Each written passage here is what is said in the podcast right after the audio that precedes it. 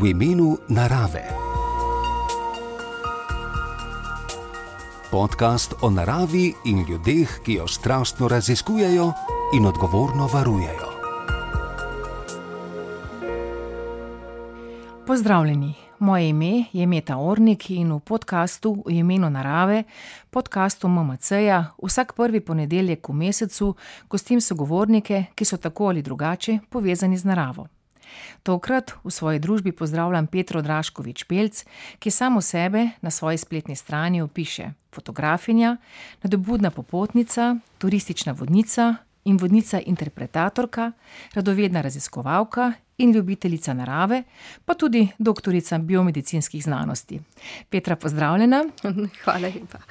Predvsej dobro se poznava in se bova tikali. Sicer me pa zanima, ali si bila danes tudi kaj v naravi. Tudi, tudi. To je ravno prednost tega, ker živimo ob robu gozda, uh, tako da je narava res, uh, bom rekla, čist ob, uh, stopiš iz hiše in si dejansko zunaj, pa tudi uh, naši kuški nas majčke uh, prisilijo, tudi takrat, ko nam mogoče ne bi bilo zaid, da gremo ven in da doživljamo se, na koncu smo vedno hvaležni, bistveno bolj, kot pa če bi ostali samo noter. Da.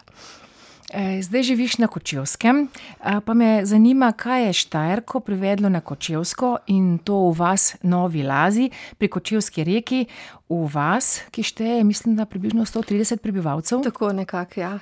Ja, včasih se rada pošalim, tako da po mamini strani so se pisali medved. Tudi mama, njen dekliški priimek je medved. In včasih se pohecam, da sem pol medvedka in tako najbrž ni čudno, da sem svoj brlog našla prav na Kočevskem. Ampak šalo na stran, v Kočevje sem se preselila, ko sem spoznala Staneta, zdajšnjega soproga, in tukaj sva si nekako ustvarila dom, najprej v Kočevju, kasneje pa sva prav v vasi Novi Lazi kupila hiško, tako ob robu gozda, in nekako zelo uživava v vasi in v naravi, to tisto, kaj sva si želela. Sicer imaš pa nasploh rada temeljite življenjske spremembe, recimo tudi iz biokemije in znanstvenoraziskovalnega dela, te je speljalo najprej v fotografijo in pa seveda takoj tudi v raziskovanje narave. Kaj, zakaj pravzaprav si našla poslanstvo v naravi in fotografiji? Ne vem, če je ravno tako načrtna, temeljita sprememba. V bistvu se je zgodilo zelo spontano, no. Fotografija me je ves čas spremljala, tudi še v študijskih časih. je pa res, da je v času, ko sem bila, nekoliko bolj angažirana z doktoratom in pa s službenimi dejavnostmi, časa za fotografijo bistveno manj. Je pa tudi ta stik, ker je bila fotografija vezana predvsem na naravo, so bili to taki, bom rekla, vikend pobegi ali pa mogoče med poletjem kakšno daljše potepanje. In ko sem veliko časa preživela v naravi, sem začela to pogrešati, sploh ko nisem mogla, tako da se je, bom rekla, počasi zorelo v meni, in ko se je nekako odprla priložnost, sem jo zagrabila, ne, in ko se enkrat odločiš, potem je smer jasna, greš samo naprej. Usodna pa je bila menda Aljaska. Ja, Aljaska me je na več načinov zaznamovala, lahko rečem. tudi s tem, da, obožujem take divje kotičke, ta prostranstva divjine, narave kot take.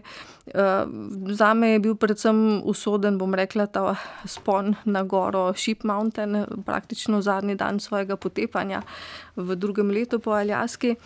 In, ja, tisto me je nekako privedlo do odločitve, da je življenje prekratko, če ne počnemo tistega, kar imamo srčno radi, in da je to treba izkoristiti. Gre za zgodbo, ki si jo v javnosti že delila, ampak mislim, da je tako zanimiva in atraktivna, da jo lahko na kratko še enkrat povzameš. Lahko, v bistvu želela sem fotografirati gorske koze, to so takšne bele, koze, ki so, bom rekla, skoraj alpinisti med, v živalskem svetu. In še zadnjič sem šla tisti dan zgodaj zjutraj v hribe, da bi jih skušala najti, se povzpela do gor Ship Mountain. Sicer teh kozic ravno v tistem delu takrat ni bilo, in ko sem se postopoma vračala nazaj proti dolini, sem sledila strugi enega potočka, da je bil sprva prazen, postopoma pa vedno več vode eh, prihajalo, eh, dokler nisem prišla do enega slapu. Eh, tistega slapu nisem mogla kar preskočiti in iskala pot, kako se lahko nekako. Eh, Prebijem skozi to grmado, grmičevje, dokler ni dejansko ostalo samo prazen korak, nekje obstal v zraku, v bistvu se takrat samo refleksno pograbiš. In sem na eni borovničevi korenini no, obvisela nadaljnih 17 ur, dokler me niso uspešno s helikopterjem tudi rešili. E, nasploh so ti severni kraji zelo všeč. Kaj je v teh severnih obzorjih? Uh, svetloba je drugačna.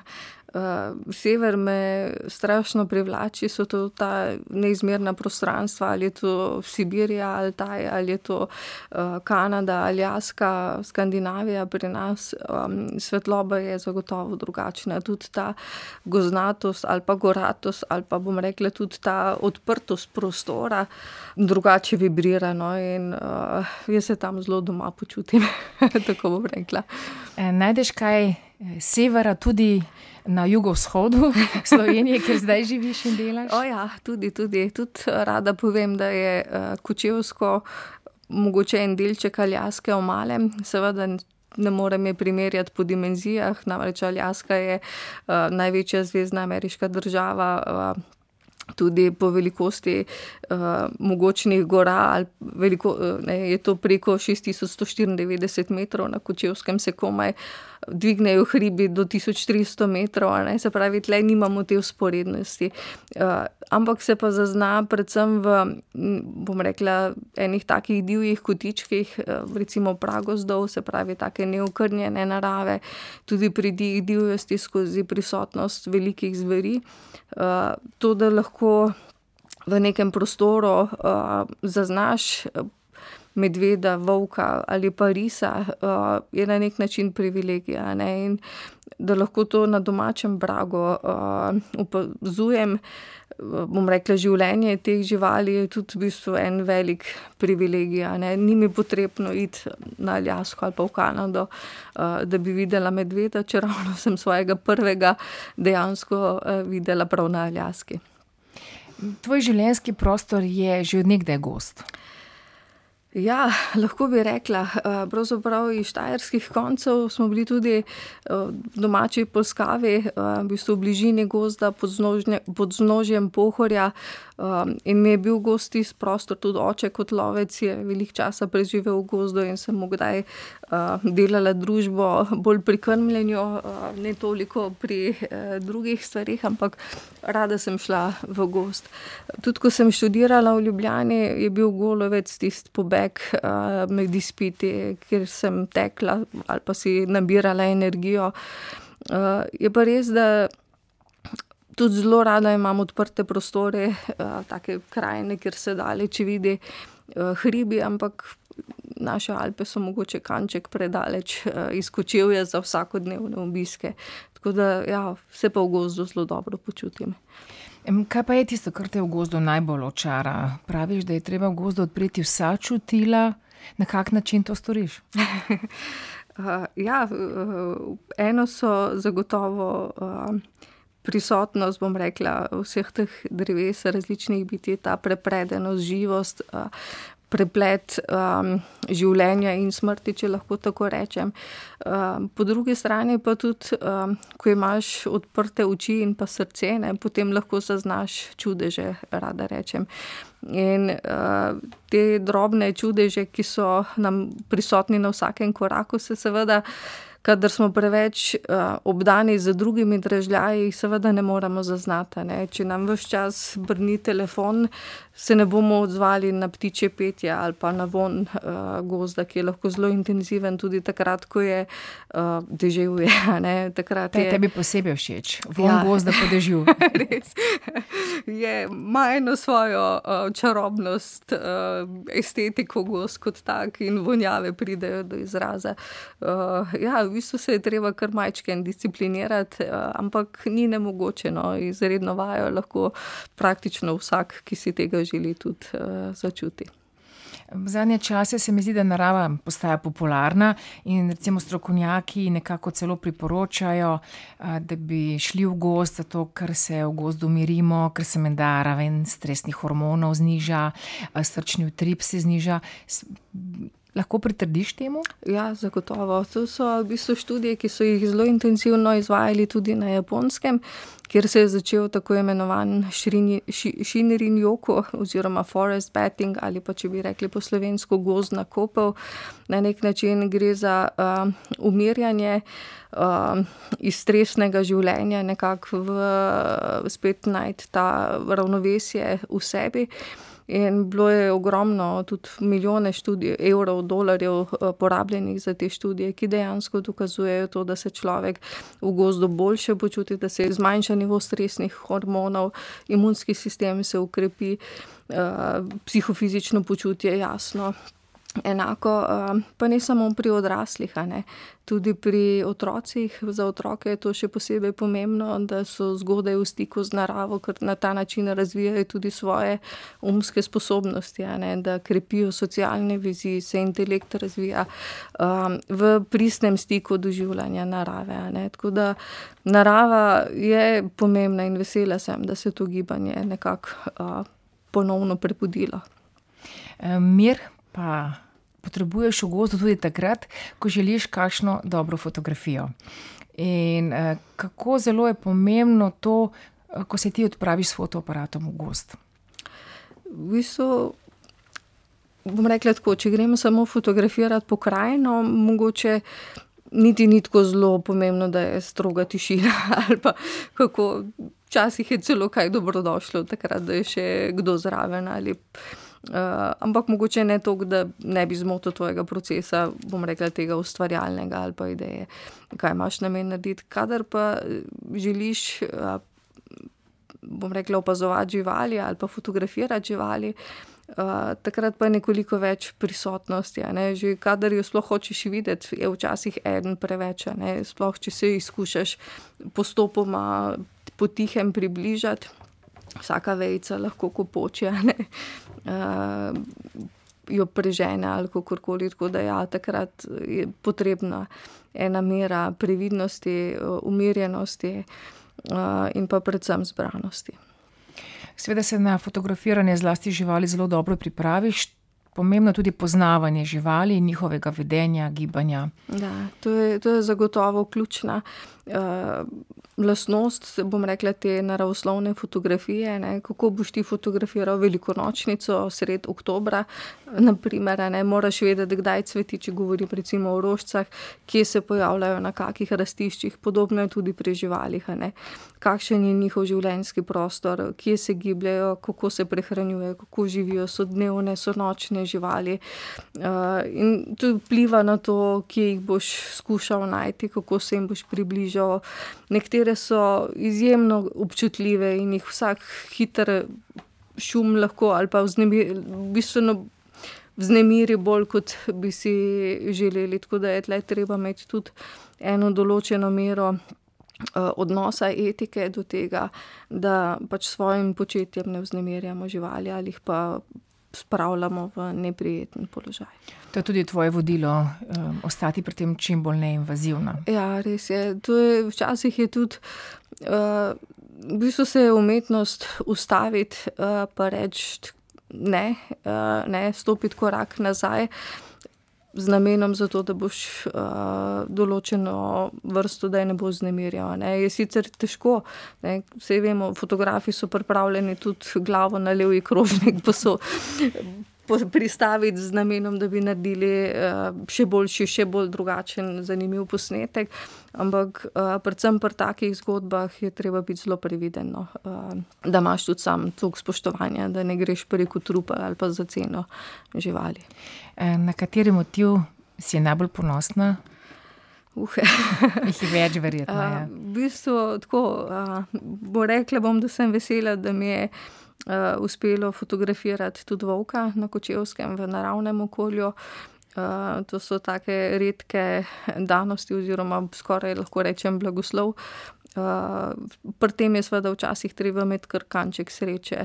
Tudi fotografije medvedov so nekatere, bom rekla, tako, ki so mi zelo ljube. Uh, sem pa vesela, da tudi uh, ustvarjava z Stanetom, soprogom, eno tako zanimivo zgodbo, ki se sicer v javnosti ni tako predstavljena. Uh, o enem takem skrivnem življenju živali, ki nastaja. Uh, brez da bi jih vznemirjali, ne, oziroma tako zmotili, ampak poskušamo postaviti fotopasti in se potem žival sama fotografira. Uh, tako da to je en tak poseben izziv, in mislim, da nastaja res ena taka lušna zbirka fotografij. V simbiozi si z naravo in v simbiozi sta tudi s Tanetom, ko gre za delo. Koliko pa ti pomagajo njegove izkušnje, strokovne, namreč vemo, da je gozdarski inženir, da izmenjata te izkušnje, si pomagata. O ja, veliko. Eh, v bistvu njegovo znanje je tle zelo dobrodošlo, že tudi za, eh, bom rekla, te vsakodnevne eh, debate, ki gremo ali na sprehod, ali preprosto se lepo pogovarjati v gozdu. Včasih tudi poslušam tudi jaz kakšne njihove zgodbe in to mi v bistvu prav pride. Ne na zadnje, sprva sva Kočevsko precej raziskovala tudi skupaj, uh, kot domačinjo je tudi uh, izjemno dobro poznati, da me je nekako tudi upeljal v to uh, področje. Kasneje sem pa razvijala, pa je tudi iskala kakšne svoje poti še ali pa razmišljala. Vsekakor je pa fino, ker lahko predebatiraš, lahko uh, kakšne svoje misli razviješ, potrjuješ, uh, ali je to to, kaj misliš, ali ne, je mogoče še kaj za tem skrivati. Tako da lepo je, da lahko sodelujeva na ta način in pa se dopolnjujeva. Zadnja leta tudi zelo veliko vodiš po naravi. Kateri konci so tisti, ki jih najraje pokažeš svojim gostom? Ja, meni je osebno zelo ljub Kočevski rok, pa tudi Reško jezero. To sta dva, bom rekla, majčka in drugačna habitata. Jezero je, Reško jezero je prostor, tudi habitat orla Belorepca, ki živi na Kočevskem kot eden prvih parov, ki je bil ugotovljen, da tukaj tudi gnezdi. In lani smo bili posebej ponosni, ker je ta par po dolgih letih uspešno vzredil par mladičev. In upamo, no, da bo ta trend tudi naprej in da bo mogoče lahko uh, preživel več kot en par na tem območju, tako da bo lahko uspešno uh, se nekako uh, širil in pa razvijal. Uh, Kočevski rok mi je pa tudi strašno všeč, ker je en tak um, preplet vsega divjega. Ne. Gre za prostrane gozdove, uh, ki so izjemno lepi, dostik s robom pragozda. Debela jelka je tista, ki nas očara, to mogočno skoraj 500 let staro drevo. In ja, je, je tisto, kar me nekako, ne samo mene, tudi moje goste, precej fascinira. Pravzaprav o pragozdu vemo zelo malo, oziroma pogosto imamo o pragozdu neko čisto drugo predstavo. Kakšen je naš pragozd? Kaj je tisto, kar se tebi zdi, da je najbolj značilno za njega in česar ne poznamo? Ja, včasih ljudje, eh, mogoče ne toliko slovenci, ampak tujci, ki pridejo, pa ko slišijo za pragozd. Uh, si mogoče predstavljajo, kaj je nedostopnega, težko dostopnega, neprehodnega, kakorkoli kot ena slika džungle, um, ki jo vidimo iz medijev, ampak naš pragos seveda ni uh, tako nedostopen v tej meri. Um, je pa zagotovo tisto, kar nam mogoče prvi pogled pade, je ena taka neurejenost. Ne? Če smo vajeni v, bom rekla, gozdovih, kjer gospodarijo na nek red, da ne govorimo o parkih in pa drugih. Sistemih je tukaj vse križem, kražem. Se pravi, drevesa, ki padejo, ostanejo tam, kjer so, nihče jih ne vlači ven, hvala Bogu, da ostanejo tam, ker imajo tam tudi svojo vlogo. Eh, tudi uh, veliko več te odmrle biomase, ne, kot je sicer opažamo v gozdovih, in je mogoče to ena taka uh, pomembna razlika. V pragozdu se isto prepletajo vse te, bom rekla, življenjske faze, od mladih dreves do te uh, odmrlih dreves, pa do tiste umestne stopnje, kjer je v bistvu največ uh, take optimalne faze, ki mogoče daje kot eno hrbtenico, uh, tudi prav gozdo. je tudi to, um, da so nekatera drevesa lahko izredno debela, uh, tudi lahko so izjemno stara. Ne, mi govorimo, to stoletje. Ja, lahko tudi ne, pol, sto, pol tisočletja. Se sliši boljše. Se ja. sliši boljše, ampak v bistvu dojemamo prostor uh, ne samo v obdobju našega življenja, ampak v generacijah. In skozi to spoznavamo, lahko tudi za gozdarje je to ena tako pomembna učilnica, kjer se učijo procesov v gozdu, spoznavajo, kako funkcionira in potem skušajo tudi te zakone prenesti v svoje gospodarjenje z gozdom kot takim. Um, Tomaš Hartmann, naš strokovnjak, ne tudi Zavod za gozdove v Kučijo, on večkrat reče, da je to prav gost tisti del, ne, kjer se kira nikoli ni pela. Uh, se pravi, človek ni posegal v prago, se pravi, ni gospodaro, ni izsekaval, uh, ampak je prepustil naravnemu razvoju. To je tisto območje gozda, kjer smo ljudje samo opazovalci, kjer opazujemo od zunaj, iz roba in ostalo prepustimo naravi. In zanimivo je, da so to ljudje prepoznali že mnogo, mnogo prej kot marsikaj druge.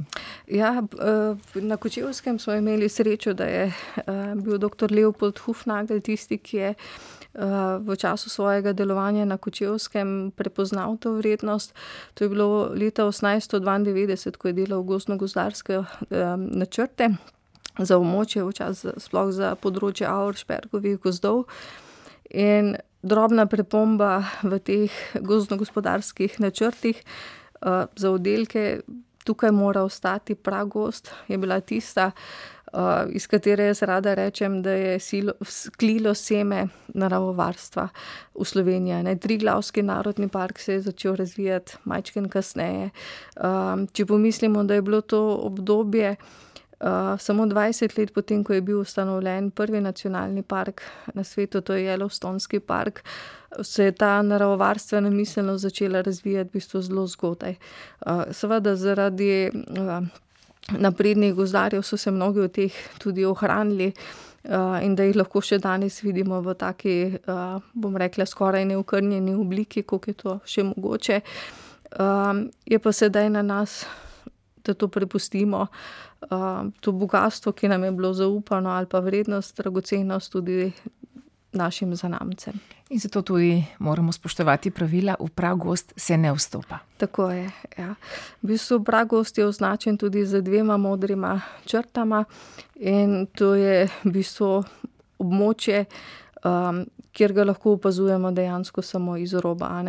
Določeni pragozdovi so opremljeni z naravoslovnimi pohodnimi potmi, ki omogočajo ogled iz te poti, v notranjost pa ne posegamo. Na Kočevskem imamo teh pragozdov le dobrih 218 hektarjev, pa še to ni en sam, ampak so zelo razdeljeni. Ne? Mogoče ta pragost Rajhenavski rok je še nekako najbolj primeren za ta uh, obisk, ki omogoča, uh, da mi hodimo ob robo, uh, opazujemo notranjost, ker je pa v vsakem pragozdu tudi tako imenovan varovalni pas, se pravi, kot ena zaščitna cona, s pomočjo katerega mi varujemo, da je ta kontakt uh, čim manjši, uh, ne, je tle pač možno hoditi. Sama vodiš obiskovalce in verjetno tudi svetuješ, da naj ne hodijo sami. Oziroma, če greš brez vodstva, tudi vidiš in spoznaš mnogo manj. Ja, to, to je sicer res. Ne. Lahko ne bom rekla, da ni dovoljeno ne, iti po tej poti ali pa tudi kje druge po Kočevskem um, samostojno. Je pa res, da tudi gostje sami povejo, da v bistvu zvejo več, uh, spoznajo, uh, kar slišiš skozi oči domačina. Uh, no, če lahko rečem, domačinke. Vse pol domačinka že. Ja. Um, ampak nekoga, ki bistveno bolje pozna ta prostor kot oni sami. In uh, približa, bom rekla, ene zakonitosti in prostora in narave, kot tako, da lahko uh, doživljajo ta prostor bistveno boljše. Ne? ne gre samo za prikaz, bom rekla, konkretne poti, ne gre za destinacijo za cel prostor, ne, da jo ti lažje razumeš. Um, Kočevsko je z tega vidika tudi precej specifično. Ta roška pešpot je uh -huh. zdaj sploh postala zelo popularna. Ja, uh, vsako leto, oziroma zdaj v zadnjih šestih letih, je tukaj pravzaprav tak vzdržljivostni pohod po medvedovih stopinjah, letos že šesto leto in je prijavljenih že 2000 uh, udeležencev, se pravi, prijave so zaprte, ne sprejemamo več. Uh, Nobenega in uh, je pa to v bistvu enodnevna preizkušnja, se pravi 65 km prehoditi.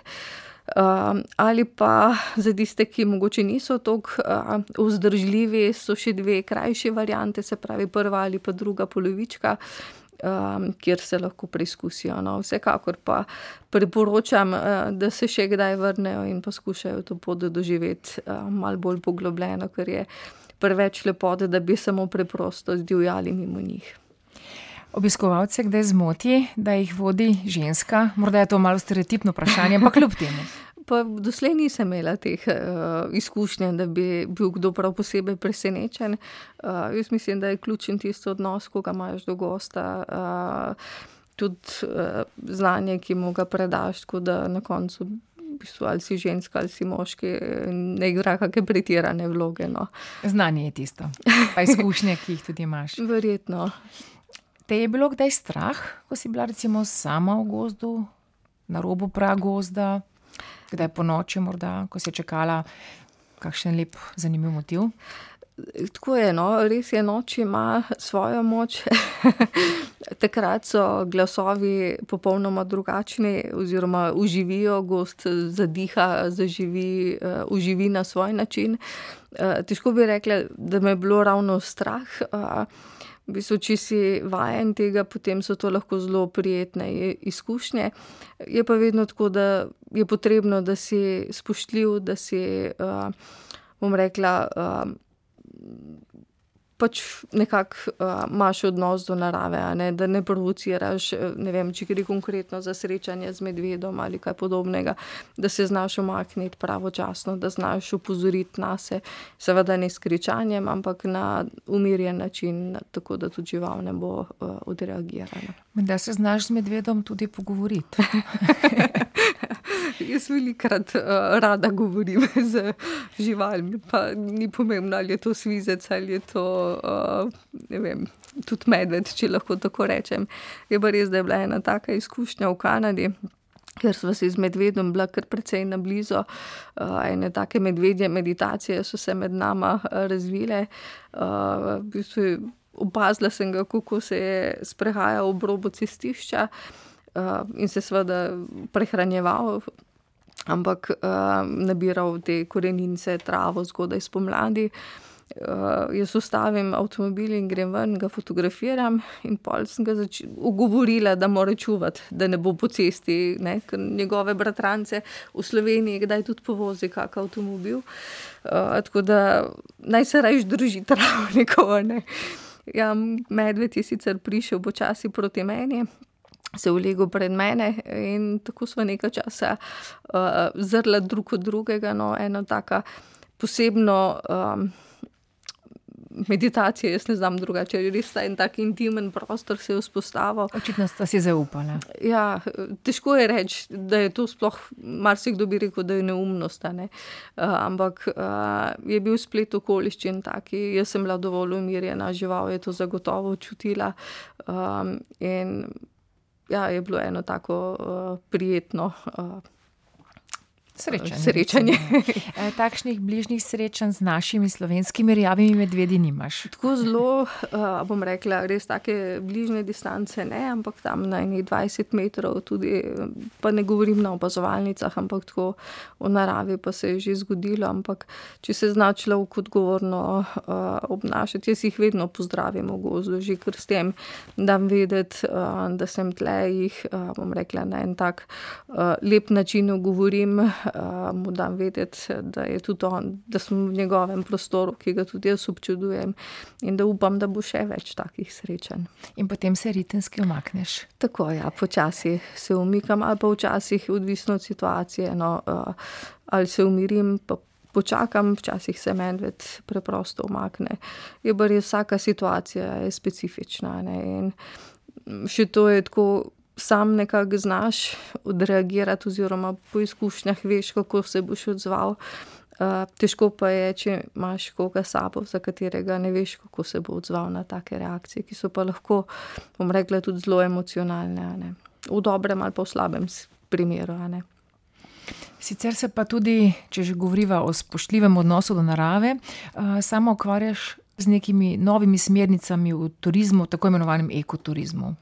Verjameš v prihodnost tega turizma, smo ljudje dovolj zreli, da bomo znali potovati po naravi, tako da jo bomo spoštovali in obdržali. Ja, v bistvu ta uh, naravoslovno odgovoren turizem, jaz rada rečem, je v bistvu naložba v našo prihodnost. Namreč, če bomo mi znali spoštovati naravo, ne, to ni turizem, ki je vezan na množice. Seveda, kakšni pohodi so lahko, bom rekla, tudi širše organizirani, ampak kadar pa govorimo o občutljivih eh, ali živalih ali kakih rastiščih ali pa recimo tudi pragovs ni tako območje, ki bi sprejemal eh, množice turistov kot takih, ampak moramo v bistvu zelo skrbno in pa spoštljivo ravnati.